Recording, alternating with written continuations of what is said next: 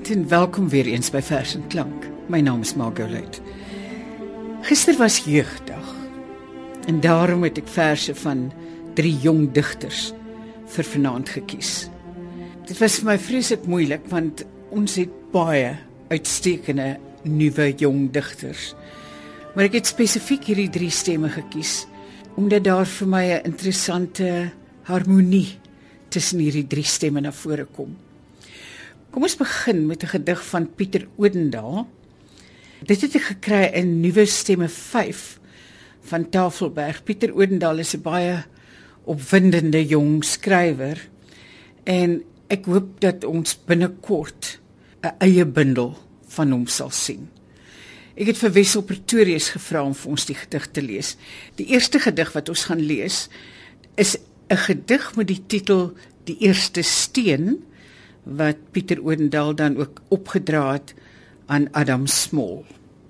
Lekker luister. Ek sou graag net 'n klip gooi ver van jou wou leef meneer Small. Van die bankies, die deure, die treine, die skole, die strande, die riots, die klippe in hande. Maar ek staan aan die ander kant die storm waar ons reënboë teen die grys skerm van die dag projekteer. 'n Mens kan nie lewens in die lug bou nie, Adam. En ek weet nie hoe om van hier vir jou te skryf nie. Hier waar die blindes dans, dans, dans met iPods in hul ore en dollars in hul oë. 'n Mens kan nie lewens in die lug bou nie, Adam. Ek wens ek is vroeër gebore dat ek al kon loop die dag toe Hector gaan lê het. Miskien sou ek hom optel. Miskien sou ek saam cowboys en kroeg speel. Maar my hande is nog altyd te klein gewees om klippe te gooi. Al stoei my pa se bloed in my en al was my oupa in die senaat. Hy's dood die jaar toe my pa begin skiet het. My pa is 'n goeie man, meneer Smol. Al praat slegs sy oë oor die grens en al drink hy soms te veel. Hy's 'n goeie man, meneer Smol. Al skree hy soms op taksies en al was hy en sy God maar oukei okay met als gewees. Hy's 'n goeie man, meneer Smol en ek hoop dat ek eendag skroomloos langs sy graf kan staan en huil. Dit was Pieter Odendaal se vers Die eerste steen. Kom ons luister nou na 'n gedig wat hy vir sy ma geskryf het. Dit is duidelik dat hy baie lief is vir sy ma en groot bewondering vir haar het. Kom ons luister. Die see glim soos die weerkaatsing van die boek se plastiekcover teen ma se bobene. Sandkorrels lê in die vou tussen bladsy 167 en 168. En 'n opgerolde wit handdoek stit ma se dittende kop. Die bril en sambreel hou die lig uit ma se gesig, nes die boeke wat ma gelees het toe sy jonk was. Die boeke wat skadu's kon gooi oor die skietskerp lig van ou haat. Die kerktoring se stil bly vinger. Ooms met knopperige dwaalende hande en babies wat ma se anders dink spot. As ek maar jonk dink, ry daar 'n fiets uit die garage van my Harsings Forsyth straat in. Daar's 'n son wat deur soet dorings vleg en 'n kort haar kop wat op en af hop terwyl sy met die bome praat wat verbyloop as sy vorentoe trap. Julle moet mooi kyk. Eendag sal niemand anders hierdie plek onthou nie.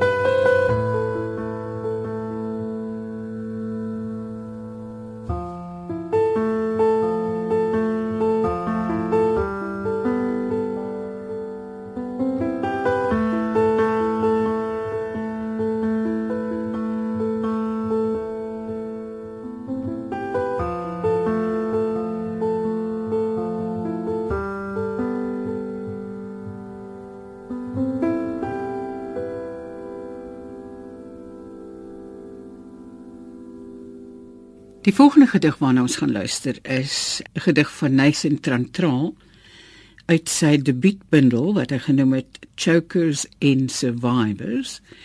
En dit is uitgegee deur Kwela Boeke. Dean Bali gaan dit vir ons lees. Jenny, die vrou by die huiswinkel, vertel vir ons met trane in haar oë en 'n smile op haar gesig wat Dolfie se laaste woorde aan haar was. "Jy, Jenny, gee my 'n fucking pakkie Rotmans en maak gou." Sy sê sy sal altyd onthou hoe hy die die counter gegooi het. Sy gaan vir Dolfie baie mis. En Dolfie se eer het die hele neighborhood geld ingesamel om die Dolfie dag te organiseer. Die hele neighborhood, behalwe ons en die mense ook aan die pad. Ons het by die venster gestaan en lag. Hulle het die park in 'n Dolfie vernoem. Dolfie's Park. En graffiti artists gehaai om 'n mural te maak. 'n Prent van Dolfie met 'n mermaid. By die reopening van die park het sy suster 'n speech gemaak. Haar woorde was simpel. Dolfie is die doodie. Dolfie liewe. Ons is dood. Dis 'n ontstellende gedig, né? Nee. Definitief. Definitief. Die volgende vers waarna ons gaan luister, noem hy stories vir die nag. Ek en my broers het elke dag hierdie nag en skryf en teken en maak stories. Ons doen nog altyd dieselfde goed wat ons gedoen het toe ons klein was. Maar ons is obviously lankal nie meer klein nie. Ek is 16 en hy is amper 20. En almal wil weet wanneer gaan ons week? Al is ek nog op skool. Maar vir my voel dit asof ons week, al lyk dit nie so nie. Alles is honger, dan week ons. Alles is niks om te eet. Week ons. Ek kan 6 koppies tee met een teabag maak. Ons steek gewoonlik een of twee teabags weg vir die nag as daar is. En as ons bold genoeg voel, dan steel ons twee stukke hoender uit die boks wat my ma op skuld gekoop het wat heel week moet hou. Somstyds moet jy meer kreatief as daai wees en improvise. Ek het eendag uitgefigure jy kan koekies bak met semolina. En ander het uitgefigure ons kan oor die neighbor se fens klim en 'n leë borrel steel en inry vir geld vir 10 sent chips. Eendag toe ons nie meer kan uithou nie. Toe eet ons 'n pot gortsop wat vir die week al in die friet staan, wat niemand wil geëet het nie omdat my ma se massage sommer het gemaak het. Maar toe proe die gortsop so lekker dat ek vir 'n oomblik moet stop en my broer aankyk en dink: "Daar gaan 'n dag nog kom wat een van ons moet doodgaan." Ek ken die broers Trantrale bietjie en dis baie opvallend hoe sterk die band tussen hulle twee is. Mm. En albei is ewe talentvol en albei is ewe welbelese en eh, en baie talentvol. Die volgende vers is Geel Walvis. My pa het net eendag besluit ons moet begin goed doen as 'n family. Dan ry ons rondom die peninsula en my pa se groot geel Peugeot wat lyk soos 'n groot geel walvis wat ons ingesluk het. Al ses kinders en my ma en my pa. Dan ry ons deur Sea Point en al die ryk mense staan op hulle balkonies en ons hou vir hulle dop amper soos 'n version van die safari. Later stop my pa om iets te koop om te eet. En dan sit die kinders in die kar en sing saam met Richard Ashcroft Velvet Morning van The Verve. Asof dit normaal is. Nog later beklei my pa met Andre en sit hom met die kar uit in die middel van Woodstock in die aan. En dit so relief want at least weet sy nou dat die family outing ook sommer daarmee klaar is. Nou moet ons net 'n wy sien om vir Andre weer in die kar te kry. Ons gaan nou luister na verse wat sy vrou Ronalda Comfort Trantraal geskryf het. Ons gaan begin met dis vroeg winter in die Kaap die jaar. Dis vroeg winter in die Kaap die jaar. Die broodpryse is op. Die plastiekfabriek retrench. Die kindertjies raak al weer weg en op die hoek van my straat gaan daar nog 'n smokkelhuis oop. My kamer se dak lek en die burglar in die venster is nog steeds los. Dit gaan 'n moeilike winter wees. TB syfers styg, die treine en taksies nik en goeie mense raak raad op. En as die eerste reën geval het en alles oorstroom, sal ek onthou dat pyn vir almal dieselfde is. Ronaldo skryf ook 'n gedig wat sy noem Droom. Ek was by my eie begrafnis. Daar was baie mense. Maar nie een van hulle het my geken nie. Die pastoor het gesê dat ek liefdevol was. Vol hoeveel liefde moet 'n mens wees om liefdevol te wees? Die waarheid is dat ek nogal liefde leeg was. En die volgende gedig is Dood in die familie. Binne 'n skoenbok soos fotos van kinders wat luister na stories van 'n groot skip wat aan die punt van Afrika geanker het. Daar's kindertyd stories van 'n stamboom wat nooit geplant was nie. 'n Foto van 'n dronk oom wat altyd na sy tweede breinrokkie vertel het van sy wit oupa wat hom 'n plaas gelos het. Maar toe sê die boere act op en hy moes 'n kruisie maak op die government papier en hy verloor toe alles. Tussen die gemors van familiewies is daar 'n selfmoordbriefie van 'n lig van kleerniggie wat wit gedraai het en toe 'n swart tweeling gekry het.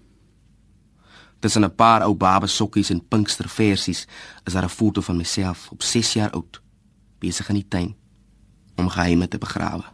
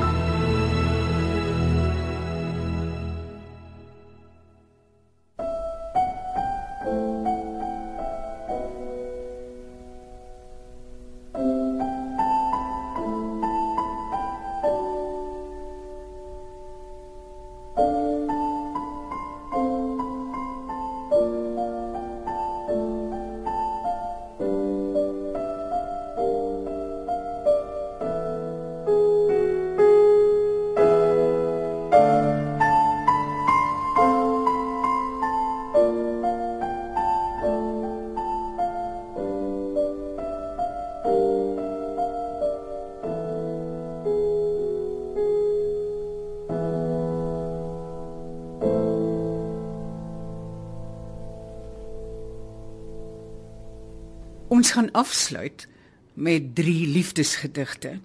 Eerstens gaan ons luister na 'n gedig van Ronalda wat sy noem Nag en sy dra dit op aan Candy, Emmy en Jessie. Mag die nag jou goed behandel. Mag die donker vir jou mooi wees. Mag stilte vir jou vrede beteken. En mag die naggeluide jou nie slaap sus. Mag jy drome droom. Maar nie net slaap nie. Nou gaan ons luister na 'n liefdesvers deur Pieter Odendaal. Hy noem dit My Ose. Ek wil hierdie geleentheid graag gebruik om jou DNS te bedank vir sy pragtige selfvertalings, dieselfde wat vergader om jou te bou. Die hoë konsentrasie melanien wat jou oë spoelklippe maak. Die keratin wat hier en daar haartjies kweek. Jou poree wat bedwelmend fluister, hulle asems hoendervleis. Laat ek dan ook sommer nou jou bene bedank vir hulle ondersteuning.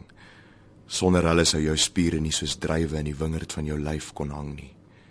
En jou tendons, daardie onvolprese kabels wat jou bewegings glad laat geskied en my snags sleg laat slaap. Die ritme van jou stap, die grammatika van jou ver, ver hande en die wegdraai van jou gesig, soos die laaste reël van 'n gedig. En ons gaan afsluit met een van die mooiste Afrikaanse liefdesverse. 'n Vers wat Nathan Trantraal vir sy vrou Ronalda Kamfer Trantraal geskryf het. Hy noem dit Ronalda. Ons sit alleen op die bankie. My broer is gou weg, maar nie vir lankie. Ons het die hele dag gesit en praat, maar ons het nie hieroor gepraat nie. En ek het hieroor gedink. Ons het net 'n gedraai rondom mekaar. Maar ek het dit nie so bedoel nie. En ek het dit vir jou so gesien nie. En nou eers in my kop het 'n orkestra 'n simfonie begin speel. Daar is 'n elektriese kurrent rondom ons en dit trek ons na mekaar toe. Ek praat en een maak dinkie. Sy kan nie hoor wat ek sê nie. Want sy sit net en smile en bewe binne toe en ek weet wat ek vir jou wil sê. Wat ek wil sê is moenie beweeg nie en moenie praat nie. Want as jy nou beweeg En as jy nou jou mond opmaak, gaan die hele wêreld uitmekaar uitval.